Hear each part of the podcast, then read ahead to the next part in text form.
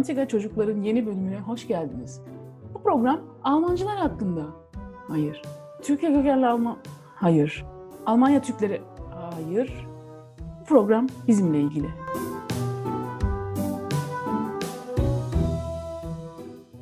Evet, bugün yine Merve ve Yiğitan'dayız uzun zaman sonra. Hallo. Hello. Hallo, Ne var ne yok. Uzun zaman oldu. İş güç. Merve, du darfst. Alles okay? Was? Ya alles gut, alles gut. Ne diyeyim? Ya. Ee, son zamanlarda işler çok yoğunlaştı. Ondan Weihnachten görüşemedik geliyor galiba. tabii. Ya. Weihnacht. Sizin şey ya, işçiler anca eve geldi şimdi. Bugün zaten acayip ştav vardı. O neydi? Ben zor geldim buraya. Sizinle iki saat var aramızda ya artık. Das ist so anstrengend ey. Sizde saat kaç şu an? Ya, 8 acht değil mi? Uhr ya. Ya. Sabahtan yazıyor bize de saat 6 burada. Orada saat 8. Bu ne falan? Ne? Düşünüyorum bazen ya diyorum ups. Ya Çoktan uykunuzu aldınız bizde Hayır. de. bir dönem ama Yep. diyorum sonra ya bunlar işçi bunlar erken uyanıyordur. Ya Biz mecbur. akşamları düşünüyoruz. 8-9 olduğunda o, o yatmışlardır Ya, falan filan aynen. Tam Ya tersi ya aynen. Ya neyse birkaç ay böyle gidecek artık bilmiyorum ne zaman dönüşecek de. Ya Yaza Giş. doğru ya. Güzel. aynen. Şey gördüm de hafta sonu dedim bunu kesin konuşmalıyız. Türkiye ile e, Almanya biliyorsunuz bir maç yaptı. Hı? Güya Dostluk maçımız. Freundschaftsspiel. Güya Evet. Freundschaftsspiel. Ich schwöre dostluk maçı yaptılar güya. Güya Almanya'daydı. Heimspiel. Aynen dur onları konuşacağız işte. Sonra aslında maç yapmaları normal bir şey de eee, olanlar biraz tuhaf oldu. Yorumlar falan geldi ondan sonra. Ne oldu? Şimdi Berlin'deydi maç biliyorsunuz. Eee, Berlin'de de çok Türk var. Kalabalığız orada. Eee, maçta Alman'dan çok Türk vardı. Yani aslında Berlin'de yani Alman milli futbol takımının ev sahipliği yapması gerekirken sanki maç Türkiye'deymiş gibi Auswärtsspiel dedi. Deplasman maçı demeye başladı Almanlar maçtan sonra. Ee, bir de ne oldu? Aslında bu da değildi sorun. Yani sonuçta Türkler fazla olabilir. Ist ja auch kein Problem. Aslında sorun neydi? Türk taraftarların ne zaman Alman milli futbol takımına veya İlkay Gündoğan'a top gelirse bunlar e, bunu auspfeifen yani ıslıkladılar. Sorun buydu. Siz Ya. eee, ondan hariç Hı, başka ne oldu? ben ben ben eee, asıl sorunu orada görmüyorum. O Hı. zaten Türklerin hep yaptığı bir şey. Ha işte şey bunu olsun konuşuyorum. Türklerin hep yaptığı şey deyip yani. ama yok yok asıl Nein, nein, sorun maç konusunda. O Hı doğru hı. söylüyor eee, Gegner asıl sorun normal. Hayır ya o on- ondan bahsetmiyorum. İçeri girerken abla. İçeri Beim girerken Reinlaufen der derken Mannschaft. ha maç şey Ya ha ya. maç Deutsche sahaya Mannschaft aynen. çıkarken ısınmaya Ta çıkarken orada ya. ama öyle ısınmada aynen evet. Öyle öyle şey yaptılar ki e, yuhladılar ki yani Sen izledin mi ben maçı? utandım o. Ya ya ben Değil utandım mi? onu görürken. Aynen Ya. öyle. Merve sen izledin mi? Ama ben izledim ben e, ama biraz e, tam maç başladığı anda geldim içeri zaten izlemeye bak. Hani görmedim oraları Hı. internetten sonradan gördüm. Hı hı. Ama şöyle bir şey var. Ne zaman Galatasaray, Beş Fener maçı olsun şimdi Ha. Galatasaray'ın sahasında oynanıldığı zaman Fenerbahçeli futbolcular ısınmaya çıktığında onlar da yuhlanır. Şimdi onu psikolojik baskı. ya. Nein, das ist psychologisch Baskı. Baskı. Das hat mit Hass für mich gar nichts zu tun. Sie Bak brauchen şimdi. sich gar nicht da aufstellen, ganz ehrlich. Uh, Merve Açon. Ben Nein, evet. tamam mı? De- Bayağı de- bize çok derbi geçti var. maç. Derbi İki saat var. var ya. Şimdi bak. Merve de- derbi Hı. diye bir şey var. Bu dostluk maçı bambaşka bir değeri var aslında. Weißt du? Vor allem auch mitten in Berlin. Tam so Klischee. Uns benehmen müssen. Einfach finde ich. Finde Aynen. find ich Konu nicht. bu bak. İki Finde taraf ich var. nicht. Çok iyi ya. Şu an tam iki taraf oldunuz. Ee, sosyal medyada da iki taraf var. Ben önce Merve'ye soracaktım. Çünkü Merve ile Binnaz futbol izleyen. Yiğitan biz çok yani sen çok futbol izlemiyorsun değil mi Türk futbolunu? Ne ben Evet. ama şeyleri böyle büyük maçları izlerim. çok takip Mesela etmiyoruz ligi. aynen. Merve Ligi ediyor takip etmiyorum. mesela. Ligle aram yok. Evet. Şimdi o yüzden Merve az önce yorumlar yaptı ya onu yapabiliyor yani. Şimdi Merve sen diyorsun ki yani ligleri de biliyorsun Türk ligini. Bunların yaptığı yani Türk taraftarın yaptığı çok normaldi. Ee, onlar zaten bunu hep yapıyor rakip takıma. Evet. Ya, bu senin için normal yani. Burada Türkiye olması, Almanya olması önemli değil. İst egal ya önemli değil. Şimdi diyelim 500 kişi olalım gerisi komple Alman olsun gene yurtlarlardı. Hmm, Anlatabiliyor muyum? yani sayıları Sadece çok bizim olmasa sesim da. yani be- bizim sesimiz sadece daha çok çıktı. İst aber Almanların şeyliğinden o pasifliğinden. Adamlar tenis maçı izler gibi maç izlemeye geliyorlar. Siz de yani dann macht Lärm weißt du? Bizimkiler öyle ne yapacaksın? Bir de Ya, şöyle bir şey var. ya, Adamlar kaç sene bilmiyorum e, Almanya yenememişler. Bir de onun biraz hırsı var. Ne ya. bileyim e, İlkay'a yaptıkları şeyler, Özil'e yaptıkları şeyler biraz da onun hıncını çıkarmış oldular oradan gibime Hmm. geliyor. Çünkü Bayağı yani siyasi aslında gene. Ya zaten direkt gene oraya öyle gitti. İş böyle direkt çünkü siyasete bir gün gitti. önce zaten Recep Tayyip Erdoğan Aa, gitti orada Olaf evet. Scholz'a sallıyor bir de oradan. Yani Evet. üst üste geliyor eşya, şeyler böyle oluyor yani. Ne? Evet. Aber ich finde, wie gesagt, ich finde das nicht schlimm, das ist normal. Hani auch wenn es nur ein Freundschaftsspiel ist, Adamlar, die wollten gewinnen, die wollen eine Warum? Dings machen, die, die sind Dings motiviert und das, die Fans sind auch motiviert. Stell dir mal vor, Yiğitan, adamlar kaç sene sonra milli maça gidebiliyorlar. Tabii buradan kaç kişi gitti, weißt du das, Wiesbaden'dan? Ich schwör's dir, meine ganze For You-Page war Dings. Alles meine Kollegen, Freunde, die waren alle da. Und die haben alle Juchladlar ausgepfiffen, weil es einfach Bock macht. Das aber ist guck so, mal, das, Fra- Deutschland, also Deutsch, Deutschland und auch deutsche Fans darf man auch nicht unterschätzen. Allein Frankfurter Fans, weißt du ja, Merve, die haben, die ja, haben halb Italien auf den Kopf gestellt. Das hat noch keine türkische Mannschaft gemacht oder kein türkischer ja, Fan. das, Beispielsweise. Die sind auch nicht da, um so äh, hinzugehen, um die andere Mannschaft psychologisch fertig zu machen, sondern psychologisch ihre Mannschaft zu Şimdi unterstützen. wir sprechen über iki farklı kültür, değil mi? mhm. İki farklı taraftar kültürü var orada bir kere. Aynen, Şimdi şöyle, bir de kültürü. şu da farklı. Berlin yani olması belki. Belki Köln olsaydı öyle olmayacaktı. München olsaydı öyle Ja, olmayacaktı. die haben Futter gegeben für die Deutschen. Die Evet haben şimdi Futter Berlin gegeben, ohne Ende. Berlin'in futbol kültürü çok yok. Zaten Berlin'in takımı yok doğru düzgün yani. Weißt du? Hani Berlin'deki insanlar futbola çok ilgilenmezler. Ama söylenen şuydu. Yani bizim ülkemizde yaşayan, bizim ülkemizde doğmuş, yaşayan da değil artık. Bizim ülkemizde doğmuş, Almanya'da doğmuş, büyümüş insanlar nasıl oluyor da yani bu Merve normal bir Fußballspiel değildi anlatabiliyor muyum? Nasıl oluyor da bizim nasyonal manşaftımızı yuhluyorlar. Aynen. Yani sen orada doğmuş büyümüşsün. Tamam Türk olabilirsin.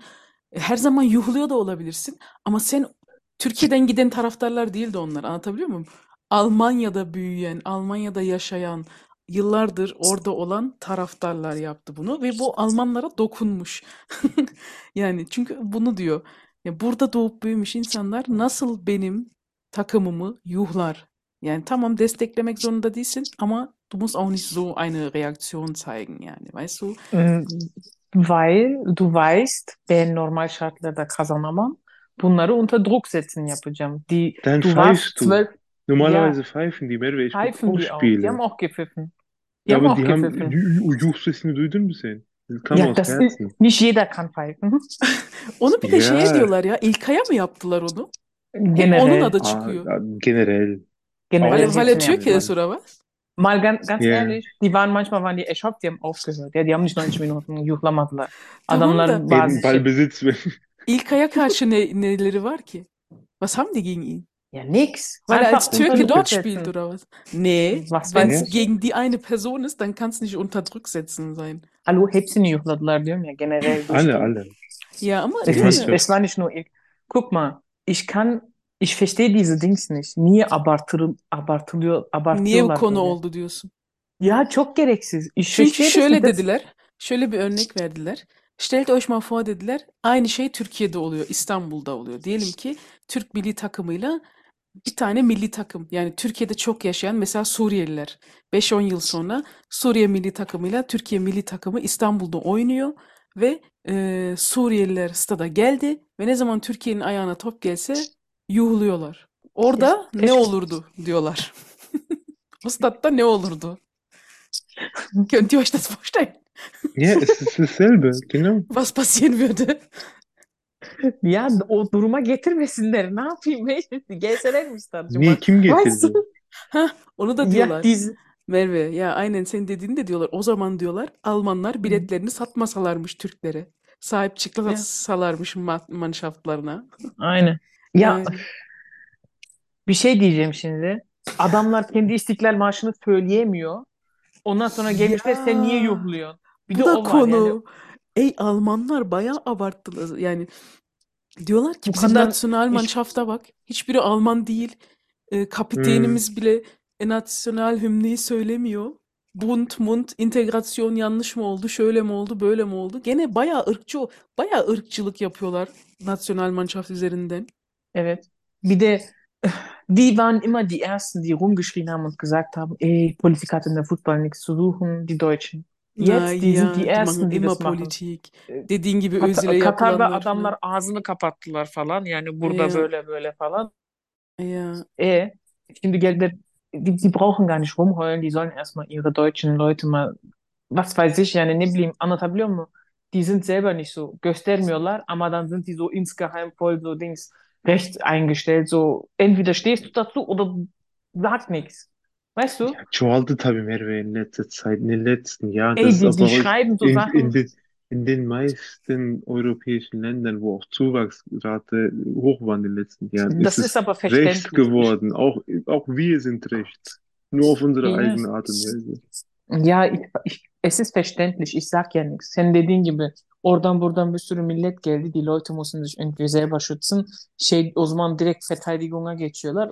Mecburen o tarafa kayıyorlar yani mecburen değil de die sind halt leichter empfänglich für diese, weißt du, was ich meine, für diese Szene dann. Das ist verständlich, aber keine Ahnung, man, die machen einfach aus so Ja, elf, mal, es ist aber zwölf, auch nicht nur aus 22 deutscher Männern Sicht. machen die einfach so Dings. Ya Ya ama es ist auch nicht nur aus deutscher Sicht. So, Ben, ben, ben de şey yaptım.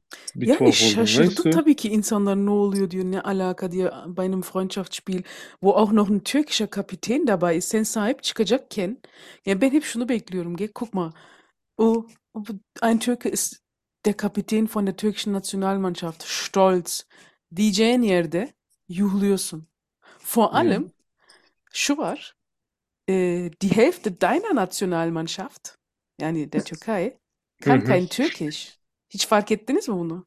Ja, die Neuzugänge, die Aynen öyle. jüngere Generation, die, Aynen die öyle. im Ausland aufgewachsen sind. Aynen Zum öyle. Beispiel, ich habe Dings gehört, dieser Ferdi, der hat gesprochen. Ich weiß nicht, wie die heißen, aber ich habe einige gehört. Ja, ich habe Yani. Dings gehört. Mesela bir tane äh, Baba, Nas, Baba hat Dings gemacht. Diese, einen Kanal aufgemacht, sage ich mal. Ich will jetzt keine Werbung. Orada, orada zum Beispiel Interview veriyorlar. Die, das waren zwei Junge. Der Ja, eine Ferdi, der andere der Tor. Das waren die beiden, die Tor geschossen haben. Genau, Ferdi und der genau. Kenan. Die konnten kein Deu äh, kein Dings, kein Türkisch, ne? Türkisch. Der eine hat weiter auf Englisch Ganz, gemacht. ganz wenig. Ya e, heyecanlandı İngilizce konuştu. Der Aynen. andere, der, seine Mutter ist Deutsch. Ya. Ha şu Der şey diyen. Alman milli Ya takımından teklif gelmedi diyen. Genau, o da o da Yani. şey e, çok kötü konuşuyor yani sehr gebrochen. Aynen. Şimdi bir taraftan sen 33 yaşında İlkay Gündoğan yıllardır milli takım Alman milli takımında oynayan bir adam kaptan olmuş Alman milli takımına. Sen bir taraftan onu yuhluyorsun. Öbür tarafta kendi milli takımında kendi altyapın zaten yetişmiyor doğru düzgün. Voll die Fußball-Kommentare. Ee, Mhm. e, yurt dışında yetiştirdiğin çocuklar da die können kein Türkisch. Yani sanki onlar milli marş okuyabilecek mi mesela? Ama bizim için önemli değil demek ki. Doch, okudular. Ya mesela şeyde de tartışıldı ya Vargas'ta, voleybalda. Ya, Hatırlıyorsunuz. Diese deutsche das war auch Sichtweise ist, unnötig. ya işte das ist die deutsche Sichtweise. Bak şey yapamıyor. Bizde yıllardır şey var. Ee, So Ausländer, Kazım Kazımlar, şunlar bunlar. Hiç böyle konular konuşulmaz Türkiye'de. Ama Almanya'da direkt politisch. Direkt. Ich weiß nicht, wenn die ihre Leistung bringen und der Mannschaft helfen, hani söyleyemez. Weißt du, be- benim için çok önemli değil. Hauptsache şey, weißt du, was ich meine? Gibt die Leistung und äh, macht das, wozu diese Person da ist. Weißt du, was ich Ja, meine? ja. Hani leistungunu veriyorsa söylemesin. Ama die heulen schon rum. Mesela İlkay söylemiyor diyorlar. O söylemiyor, bu söylemiyor. Ya adam performans veriyor mu? Veriyor. Sen niye hala konuşuyorsun ki? Das ist halt, ich weiß nicht, warum die so sind. Onlar Anlayamıyorum ben çünkü gerçi. öyle işte. Das ist die Mentalität. Einfach. Bir de şu var tabii. Bizdeki gibi bir iki tane değil. Fast die ganze Mannschaft ist ja so bei denen. Das ist ja auch in Frankreich so mesela. Onlar da hep yabancı yani Fransız kökenli değil ya hep. Das fällt dann auf, wenn du eine Nationalmannschaft hast, bei der Deutschland geht's auch, jeder von mhm. woanders kommt. In Deutschland geht es auch oft darum, äh, ob diese Person jetzt dankbar ist. Die oraya bağlılar, weißt du? Hm. Mal, was du alles hier hat und so, das ist ein Schmarotzer. Oraya Er zahlt geçiyor. Steuern. So, das kann man als ja Dankbarkeit schon mal aynen. abgrenzen. Ist Aynen, so. da, ja, ich, ja, ich weiß, Mary, du hast vollkommen recht. Und es ist, was das angeht, ist es echt eine schlechte Angewohnheit, dass man mit Finger auf Leute zeigt beim kleinsten, Sa- bei der kleinsten Sache, die einem auffällt. Weißt du, der kann 99% alles Deutsch machen, ist 1%, dieses eine Prozent wird dich stören. Aynen onu Özil demişti ya. Gol atarken eee, Mhm. Alman yani herkes iyi. Alman takımı atıyor. Und wenn was schief geht, ist es der Türke. Ja, Ja. Ich sag mal da, so, da, bei uns orada haklısın.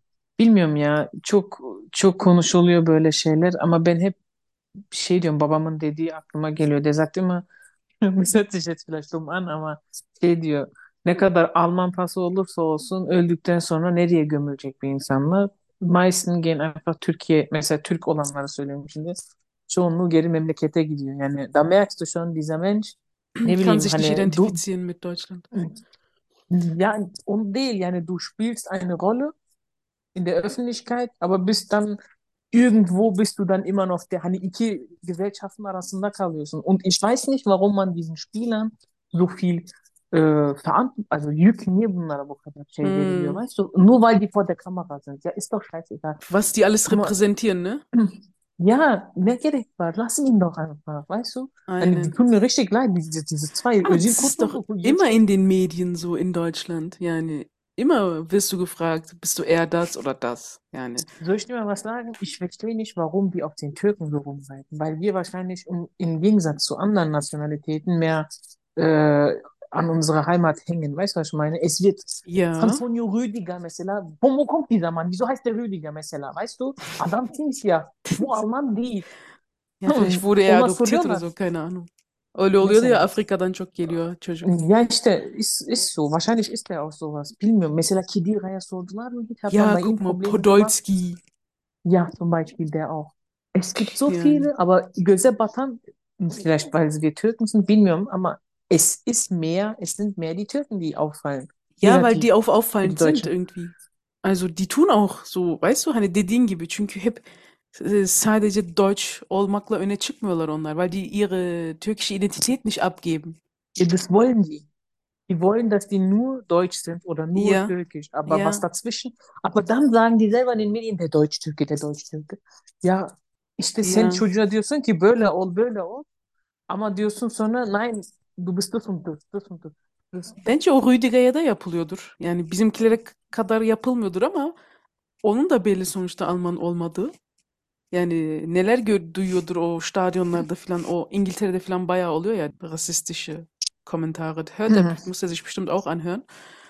Äh, Was bei den Türken auch immer ähm, auffallend ist, beziehungsweise warum die oft unter Kreuzfeuer genommen werden. Sobald die irgendwie äh, Türkei-Posts und so Sympathisanten, egal ob die aktuellen Regierung oder sonst so eine Partei, so zu zeigen, sind die auch direkt unter Beschuss. Die sind überall, jede Nachricht. So, guck mal, der und der, der ist für das und das und ist er rechts, ist er links, ist er. Aber das, das ist die Türkei, weißt du? Ee, buraya bağlılar her şeye. Wir können uns ja auch an Özil erinnern mit Erdogan und so. Her ja. şeyi ona bağladılar. Und die machen einfach Politik aus jeder Sache. çünkü sayı çok. Yani überall bist du, yani überall sind Türken und ähm, die, die sind auffällig. Yani o da var. Bak, ähm, was nach dem Spiel passiert ist, habt ihr ja auch gesehen bestimmt. Überall diese Autokorsos. Hı hı hı. Yani oturmuyor einfach. Her fırsatta bizimkiler lautstark so bemerkbar machen yapıyor Das kendini. finde ich gar nicht so, das finde ich gar nicht so schlimm. Also, sevinsinler, yapsınlar. Das ist so ein bisschen Aber, äh, unter die Nase reiben gewesen, glaube ich. Ya das war ein Freundschaftsspiel. Bizimkiler sanki Dünya Kupası'nı almış gibi. olsun yapsınlar. Das ist natürlich, das, abla, az, az şey değil almayı yemek. Ama, e, bilmez mi? Ja. das? Genau. Uksum billah. Auf jeden Fall, ähm, A- Almanya'yı yenmek az şey değil, aber das ist ein Riesenverdienst und da darf man sich auf die Schulter klopfen. Aber ähm, ich finde es trotzdem schade. Ich bleibe auch dabei, wie das angegangen wurde. So, weißt du, das ist ein Freundschaftsspiel. Wenn man gewinnt, Todesfreude. Aber von vornherein sollte man eigentlich, wenn man die eine Seite unterstützt, muss man jetzt nicht die andere beklatschen, aber wenigstens nicht ausbuhen. Es ist nicht, es ist nicht ein Land, was wir, äh, äh, wo wir Womit wir verfeindet sind. befeindet sind, einen. Einen, es ist, es ist kein Derby-Spiel, es ist kein Gala Fener, da, macht man das. Champions League, habe ich auch mitgehört, in jedem Spiel, was Gala da macht und so. Die halten ja auch nicht durch mehr, wenn die über 90 Minuten, die haben irgendwann auch Atempausen. Aber ähm, Vor allem ich fand's voll schade. Einen, dachte ich mir so, wow, einen. Das ist muss das nicht sein. Wo du aufgewachsen bist, Mann, wo du Ja, lebst. Das ist kein anderes Land. Das ist kein Italien, kein Spanien, keine Ahnung. Es ist ich, Deutschland. ich hätte auch Ich hätte es Auge zugedrückt, wenn's, ich hätte bei Au ich, ich weiß, ja, pardon. Ich hätte Auge zugedrückt, wenn's, wenn's, wenn's nur bei Ballbesitz wäre. Ja, hätte ich stimmt. mir Auge Wenn, zugedrückt. Aber bei allem, bei jedem, bei jedem Atemzug, wo Deutschland äh, irgendwie äh, äh, an den Vordergrund kam, direkt. Ey, soll ich euch mal was sagen? Die werden Hm. das auch in der EM hau machen raus. gegen, gegen jede andere Mannschaft. Also das geht nicht nur an Natürlich. Deutschland. Ja, Ich, Opak wieso EM. sind die, wieso sind die Aber so, weißt du, wie, wie nein, so eine prima Ballerina, der man so eine Bein gestellt hat. Alle, mach doch einfach weiter, ja, ne. Ich weiß gar nicht, warum es Nein, das ist so ein. Freundschaftsspiel. Ja, ist doch Es ist ja okay. auch, das ist ja das Unnötige. Die würden es auch bei gegen, oh bei Gott, ich schwöre, die würden es auch gegen San Marino machen. Wallah, Ja, Ist er aber, so ist, ist er aber in San Marino geboren und aufgewachsen? ist doch Hat er irgendeinen. Bezug zu San Marino? also Ja, ich find's nein. nicht egal. Ich weiß nicht. Weißt du, warum das mir egal ist? Weil ich Fußball zwischen, zwischen Fußball und äh, ich ziehe das gar nicht mit auf eine Leiste. Einen Weißt du, was ich meine? ja. Für mich ist das egal. Eine, warum wird so ein Politikscheiß draus gemacht? Das ist nur Fußball. Ich verstehe, ich finde, diese hässlichen Fußballspieler, die haben es auch auf die auf Dings getrieben. Wallah, die haben so Kommentare abgelassen. Ja, man muss jetzt auch nicht komplett die Nationalmannschaft auspfeifen und so. Die Deutsche, ja, ich, dann spiel. Dann mach fünf Tore, dann halten die die Fresse. Ist so. Hast du nicht gesehen, nach 2-2 waren die alle leise. Ya Merve şimdi senin dediğini söyleyen de çok diyorum ya diyorlar ki ya o zaman oynasaydın ma- takımını yalnız bırakmasaydın öbür taraf war halt emotionaler sch- keine Ahnung vorbereiteter und yani Ah, die sind einfach hungrig gewesen. einen deine deine Zuschauer waren halt temperamentvoller und keine Ahnung und haben die halt angefeuert das heißt ja anfeuern ama öbür tarafta yani bu işte Türk futbol kültürü ya bence. Also das ist, hat ja jetzt, ist nicht nur mit ähm, Nationalmannschaftsniveau, sondern ligde de böyle. Yani birbirlerine de böyle Türkler. Weißt du? Evet. Yani onu yazmış birisi diyor ki ya biri birine böyle olan bir folk'tan sen ne bekliyorsun? Ama bu, bu şey tamam mı? Aşağılayıcı bir şey bence tamam mı? İst negativ. Birbirine böyle yapan bir folk'tan sen ne bekliyorsun diyor. Zaten adamlar birbirini yiyor zaten. Başkasını yemeyecek mi? Yani das ist nicht schön, ich weiß nicht. Ist zwar diyorsun ki das ist eine andere Kultur. Evet futbol kültürü böyle. Ama yani ben zaten sevmiyorum o kültürü. Merve seviyor demek ki, weißt du? Ey, ich, ich sag nur, ich hätte mitgemacht, ja. Ja, Ich işte. find's, Hey, guck mal, Kültür başka. ich hab's Ich auch mitgemacht. o, Ben o, Hat Trabzon maçına gittim Hatay Ya, maçına karşı. ya. Yuhladık. Bir de Hatay Hatay. sanki şey İsrail'in şeyiymiş, başkentiymiş Ja, gibi yuhladık. Aber yuhladık. Ey nein, das ist, du darfst es einfach nicht in einen Topf werfen, Fußball und Politik. Geht Aber Merve nicht. das machen sie. Das, Das ist machen auch die so. Zuschauer. Wo Sen machen böyle die das? diyorsun. Bak mesela orada kaç tane şey gösterdiler. Ee, ona da takılmış Almanlar. Grau Wölfe şey, e, ülkücünün, Aynen. ülkücü hareket Ja. Zeichen, Kurt. jede Menge. Onu yapmışlar mesela. Das ist verboten in Deutschland oder nicht? Das weiß ich nicht. Also Ja. verboten olmasa da es gilt als extremistisch. Yani verboten olup olmadığını bilmiyorum ama ekstreme rechte diyorlar mesela ona. Ya onu yapıyor mesela. Oraya çıkıp senin taraftarın götürüyor siyaseti oraya. Yani Ja, gibt voll viele Videos, wo die auch so, in der Live-Schalte haben die das gemacht. ja, ja, einen, einen. Ich sag mal, ich sag mal so, das sind işte Einfach gene provoka bilgisiz. provozieren yapmak istiyor einfach. Ich weiß nicht, ob die das bewusst machen oder Oh, ob die das doch. einfach so machen. Weiß ich Doch, nicht. Und doch, doch, doch. Hanne, das ist mir jetzt, mal, sen bana diyorsun ya, dass das, für mich ist das einfach nur ein Wolf, so Boskurt. Ja, ich weiß, dass die rechts Nein. eingeordnet sind, aber für mich, ich weiß ich nicht, weiß, was was du denn? meinst. Ich, Weißt ich du? bezweifle auch, dass die so viel IQ haben, dass die überhaupt Ja, wissen, wie, wie die Ausmaße, rechtsradikal das ist.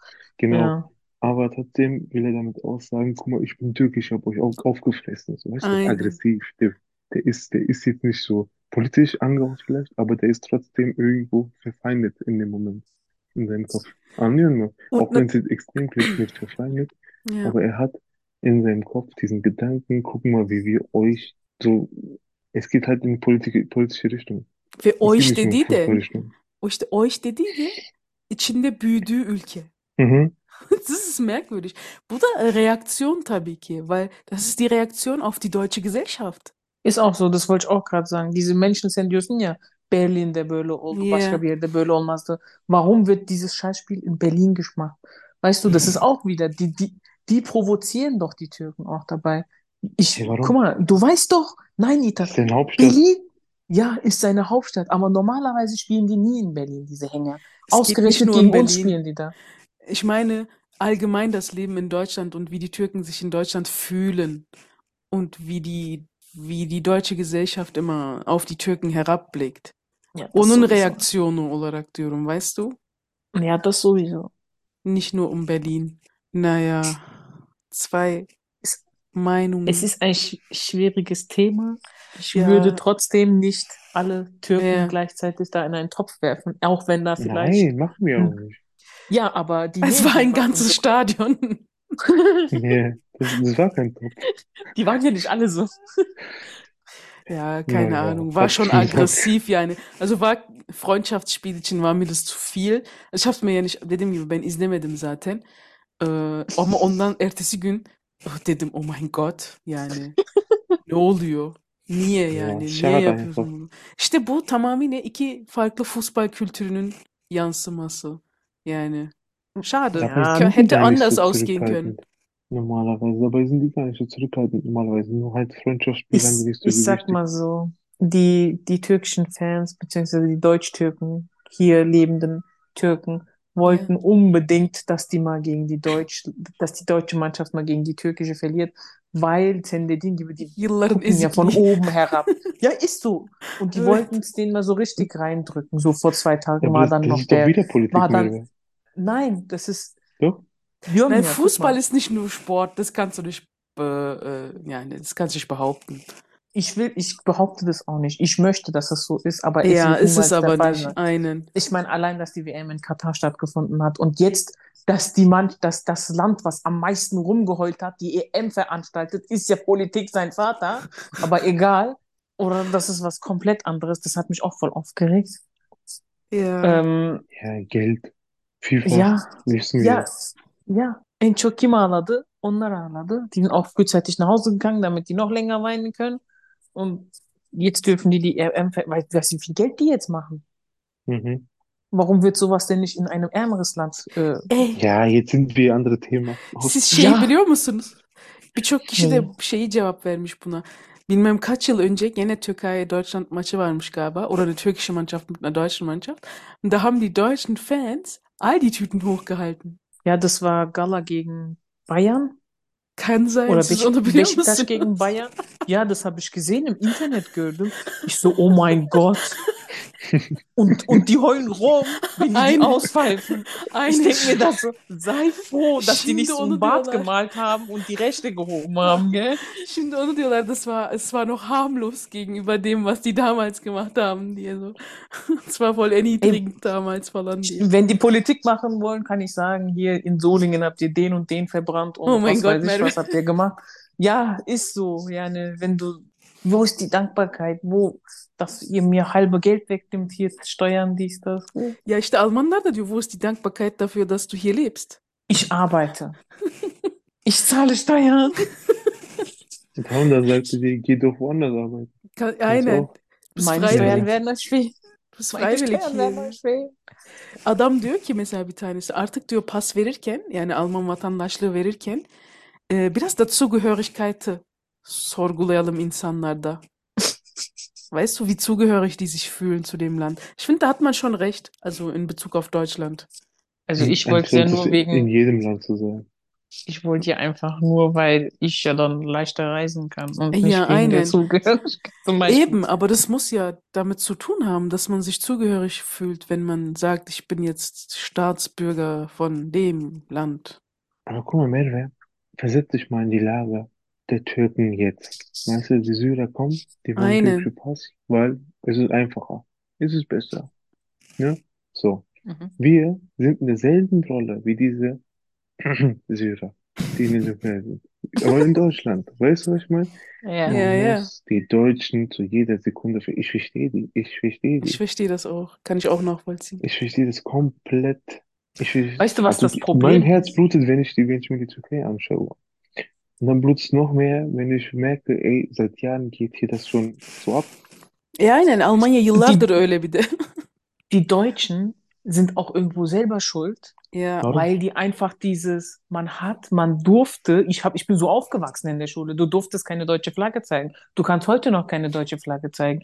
Die verbieten sich selber Das ihren nicht die, das Nationalstolz. sind nicht die Deutschen. Das sind nicht die Doch, Deutschen, Merve. Das, doch, nein, die, das sind die Kriegsgewinner. History is ja, written by the victors, Merve. ja, okay, das, das meine ich doch damit. Aber die können doch mal ihre Fresse aufmachen da in der Politik. Die machen, die nicken einfach nur alles, bak dumm einfach. Merve Şöyle bir şey. auf. Evet haklısın şöyle öyle bir şey var yani man kann nicht sagen mit Stolz, dass man Deutscher ist. Das hat andere Gründe. Äh, o var. Machen die mittlerweile. Die wurden selber mundtot gemacht. Ja, Das wurde doch so Ja, ja, eingetrichtert, aber von oben. ya. Bir de şey var ama. Äh, es ist schon ya böyle sessiz bir şey var. Die wollen auch, die wollen dich nicht einfach als Deutscher sehen. Denn sen. Bir istediğin gibi var. yap, istediğin gibi yap. Du kannst einfach nicht dazugehören. Bu başka yani bizde yok mesela Türkiye'de. Bizde bütün yabancılar sevilir. Aa Türkçe konuşuyor wie süß. Aber in Deutschland ist es nicht so einfach. Das ist halt die Mentalität und onu değiştirebilirler mi sanmıyorum yani. Das wollen die auch gar nicht ändern. Auch so unterschwellig, belki çok belli olmuyor ama jeder Ausländer fühlt das, dass man nicht willkommen ist einfach in Deutschland. Hängt, hängt aber auch ein bisschen mit der Religion zusammen. Nicht, dass unsere Religion jetzt, Kann äh, sein. da Das sind halt voll die kulturellen. Unterschiede. Ja, wenn du jetzt die Italiener, die Griechen, die sonst was siehst, die sind, die sind drin. Meinst du? Die sind drin. Ich finde schon, doch, ja. Ja, mehr als wir, aber nicht ganz, Benje. Ja, finde ich auch. Ja, natürlich. Also mehr als wir, das stimmt. Ganz Ja. nicht, ganz ist es auch wirklich fast schon unmöglich. Aber ähm, mehr Weil das als ist deutlich einfach mehr die als deutsche wir. Sichtweise. Man ist halt Ja. deutsch, wenn man deutsch ist. Man wird nicht deutsch. Ja, Ja, Scheiße. also es ist, weiß es ist nicht. bei den Türken nicht anders. Ach Ich so, meine, nee, okay, du sagst nee, ja, es ist nicht, nein, es nein, ist nicht dasselbe. guck mal, du sagst ja, okay, man wird mit Kusshand aufgenommen in die Türkei, aber trotzdem, ey, du kannst doch nicht sagen, er ist Türke, Wer? oder? Die, die Person, die von außen kam. Ob sie es Vargas ist und sonst was, so TV-Medienstar ist sie jetzt Das so, ist ja noch aber nicht so Türkin. verbreitet wie bei den Deutschen. Bei, bei uns ist das noch nicht so. Ey, wir haben doch auch aus Somalia und so Gang viele. Studenten, Ja, ja, haben wir. Und die, die, die, die lernen auch die Sprache relativ schnell. Und ich sehe das im Internet oft, dass die voll gefeiert werden, weil die die Ja, Sprache so geil adam sprechen. kendine Çorumlu Ali falan diyor. Oh, ja, der tanzt so Halay çekiyor und so. Und die feiern das. Die, die, die, Das ich weiß nicht warum, anders.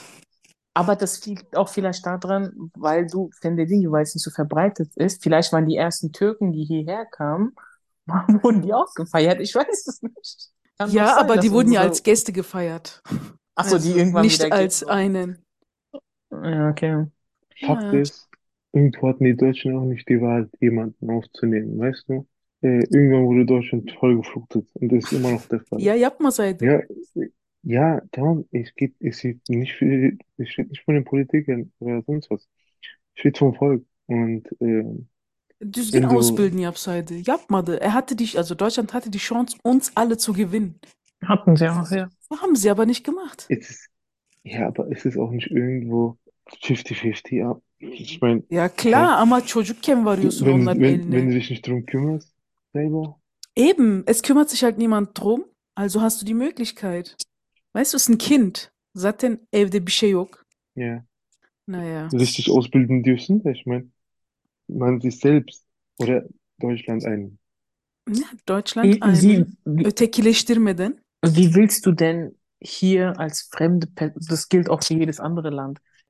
Ja, wie willst du denn, ohne dass dich jemand an der Hand hält und führt, wissen, wie du, weißt du, was ich meine, wenn, Wie du dich zu ja verhalten hast. Ja. ja, genau, also das, man muss schon jemanden da ranführen. Ja. Und das haben die nicht ausgenutzt, leider nicht ausnutzen können damals. Ya, dediğimiz gibi zaten baştan beri iki farklı kültür. Ama iki farklı kültür de değil aslında. Çünkü sonuç orada büyüyenler aslında yapan bunu. Hani Türkiye'dekiler yapsa okey derdin ama die dort Ya aufgewachsen sind. bu Ja. insanlar zaten e, hangi ligi izliyorlar? Premier Ya, aynen. Onlar da Türkiye o Ligi'ni kültüre. izliyorlar. Evet. O, o kültüre daha yakın oluyorlar. Von Almanya'dan doğru. Ya. Öyle yani. Nicht, das kannst du jetzt nicht sagen. Hani Alman diyorsunuz ya burada biraz yabancılaştırılıyorsun. Ya. O, o- onu da işte adamlar herki bak kimin evine gidersen git herkesin evinde ne televizyonunu çalıyor? Alman kanalını çalıyor, Türk Ya. kanalı. Türk televizyonu. Türk televizyonu. Oradan zaten daha çok e, kulak aşinalığı oluyor. Bizde mesela bizim yaş, e, bizim ben gelen bizden gelen jenerasyonlar Hı hı. Türkçeyi zaten öyle öyle biraz daha şey ich meine? Ya ya. İşte o insanlar da öyle büyüyor. Was willst du da machen? Ja, işte Almanlar da bizi böyle görüyor, weißt du? Çok, die bekommen meistens ja nicht mit, was bei uns abgeht. Böyle böyle olunca sehen die, wie wir drauf sind. Ich, ich wäre eigentlich ganz ehrlich bilmiyorum yani çok abartılıyor wie immer. Ja. Bence einfach als Spiel abstempeln und wegmachen. Das liegt ab, ich habe auch eben ein Video gesehen, wo Mhm. der Trainer der Nationalmannschaft, also der deutsche Trainer sagt, man muss nicht in ein Stadion gehen, um den Gegner auszupfeifen. Mhm. Da, da sieht man auch wieder, dass deren Fußballkultur und unsere Fußballkultur was komplett anderes ist. Du siehst es auch im Basketball, wie die abgehen bei uns in der Halle und wie die leise da sitzen. Das Ja. siehst du überall. Ja. Du siehst es im Volleyball, wie die abgehen. Die feiern die türkischen Fans im Volleyball, im Frauenvolleyball, in der WM oder was auch immer die da gespielt haben. Die haben die gefeiert, weil die so laut sind. Mhm. Und da wurde auch gepfiffen gegen andere Mannschaften. Ja. Aber das wurde nicht thematisiert, egal. Eine Ja. anderthalb. Und wir sind halt einfach so. Weil wenn wir merken, wenn wir merken, die Jungs auf dem Platz oder die Mädels auf der, auf dem Parkett schaffen es nicht, wir müssen als zwölfte Person oder sechste, siebte Person da von draußen eingreifen. Und das machen die auch. Ich finde das gar nicht so schlimm. Die übertreiben das einfach nur. Ja. Merve, es gibt bestimmte Faktoren. Das ist jetzt das Einzige, was ich noch, das, das Letzte, was ich noch dazu sage. Bestimmte Faktoren, die, die anders sind als deine Konstellation mit Basketball und Volleyball. Auch wenn es Mannschaftsspiel Warte, ist. Das, erstens Freundschaftsspiel, zweitens in Berlin, Mm. drittens Deutsch-Türken, das sind nicht die Türken. Ähm, das sind schon sehr wichtige Faktoren, finde ich, die dieses, dieses Ganze jetzt entfacht haben. Du kannst jetzt nicht vergleichen, Volleyballspiel, EM oder WM, dass die da gepfiffen haben, die Türken gepfiffen haben, mit den Deutsch-Türken, die die deutsche Nationalmannschaft in Deutschland ausgebuht haben. Ey, ich finde das so normal, gell? Ya Bir işte. Ich weiß. çünkü sen Fußball izleyicisin. Biz Ya. değiliz işte. Das ist der Unterschied onu diyorum. Sen Türk futbolu Ya du- izleyen birisin. Du Ich muss es jede Woche, das gucken. ist Standard bei dir. Ich muss nicht mal gucken, um das zu wissen. Nee, doch, Du schon. weißt doch, wie temperamentvoll ein Türke ist. Tamam da. Yani Äh, das du kannst- kann man anders kannst- zeigen. Du kannst weißt du, doch was- deine was- Mannschaft anfeuern. Weißt du, was die am meisten abfuckt? Die Tatsache, dass die uns nicht assimiliert haben, okay? Also, wenn du unbedingt Politik machen willst, weil die es nicht geschafft haben, es ist so. Die wollen doch, dass wir die deutsche, die türkische Flagge zu Hause lassen und mit der deutschen Fahne in das Stadion gehen und Merve. die Deutsch, Deutschland treffen. Sen Ya. pasaportu aldın mı? Nein. Ich möchte die doppelte Staatsbürgerschaft. Aber mit solchen Aussagen kriege ich die wohl nicht. Interessant. Schlimm. Neyse, auf jeden Fall das Ausholen war nicht so korrekt für dich. Nein, aber weißt du, was ich meine? Okey dur dur toparlıyoruz şimdi. Also Çok, çok uzadı evet. aynen Yiğitan da ben de diyoruz ki var nicht okay. Merve diyor ki var normal. Ich hätte mitgemacht. Ja, Ich hatta. stehe immer noch dazu. Hatta. Ja. Aber, ey, die, die Leute, die da im Stadion waren, man hört immer wieder so Videos, die sagen, ey, das war voll gute Stimmung eigentlich. Ich weiß gar nicht, warum die alle rumheulen. Weil die verloren haben. Ja. Ja, das, das ist auch so eine deutsche Eigenschaft. Das schlechte ist Verlierer. andere Mentalität einfach, ya. Bir de dediğin gibi dav- ein Tag davor immer diese Erdoğan-Debatte. Gut, o zaman bence kapatalım. Bence Yoksa-. Yoksa Türkiye'nin işte kuruluşuna, Almanya'nın bölünmesine bilmem nereye gidecek. Okay. Dankeschön. Tschüss. Wir sehen uns beim nächsten Mal. Wir hören uns beim nächsten Mal. Ja, Hadi tschüss. tschüss. Tschüss.